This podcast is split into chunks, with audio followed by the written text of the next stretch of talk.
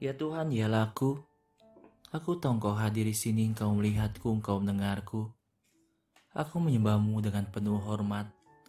Aku mohon ampun atas segala dosa dan kelemahanku. Aku mohon rahmatmu dalam waktuku berdoa ini. Budaku yang tak bernoda, Santo Yosef Bapa Tuanku, Malaikat Pelindungku, doakanlah aku. Jumat 24 Maret Hari ini kita merayakan kabar sukacita yang juga merupakan inkarnasi. Tuhan menjadi manusia seperti sahabat dan saya. Yesus sudah ada di dalam dunia sembilan bulan sebelum Natal. Tetapi hanya Maria dan Santo Yosef yang mengetahuinya. Yesus tidak terburu-buru Sebenarnya dia tidak perlu menghabiskan berbulan-bulan di dalam rahim Maria tetapi dia menginginkannya. Yesus tidak ingin menjadi pengecualian. Hari ini adalah hari yang baik untuk berdoa bagi semua anak yang masih dalam kandungan ibunya yang dipanggil untuk menjadi orang-orang suci abad 21 bersama sahabat dan saya. Santa Gabriel mengumumkan kepada Maria nama putranya adalah Yesus. Nama itu yang akan diucapkan miliaran kali dan yang sering kita coba pertahankan setiap hari. Nama yang sering dikaitkan dengan nama yang lain itu adalah Maria. Dalam doa indah yang diajarkan malaikat kepada kita.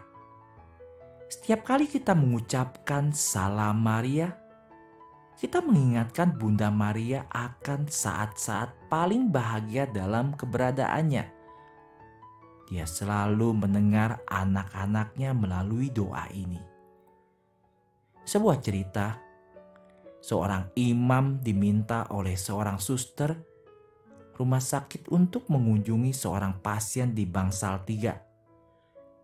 Ketika masuk, ia menemukan seorang yang sedang sekarat terkejut melihat imam itu karena ia tidak pernah menerima sakramen selama bertahun-tahun.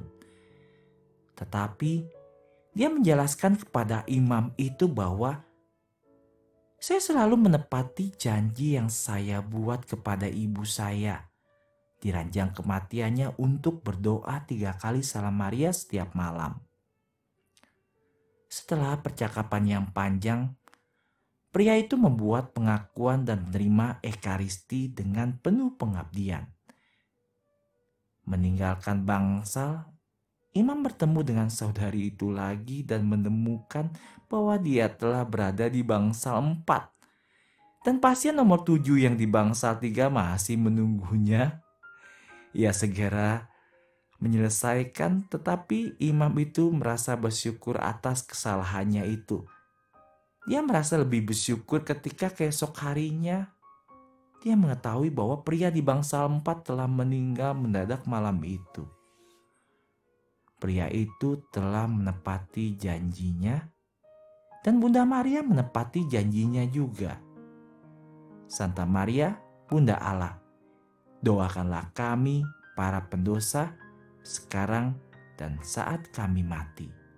Bunda Maria, harapan kita dan tata kebijaksanaan, doakanlah kami.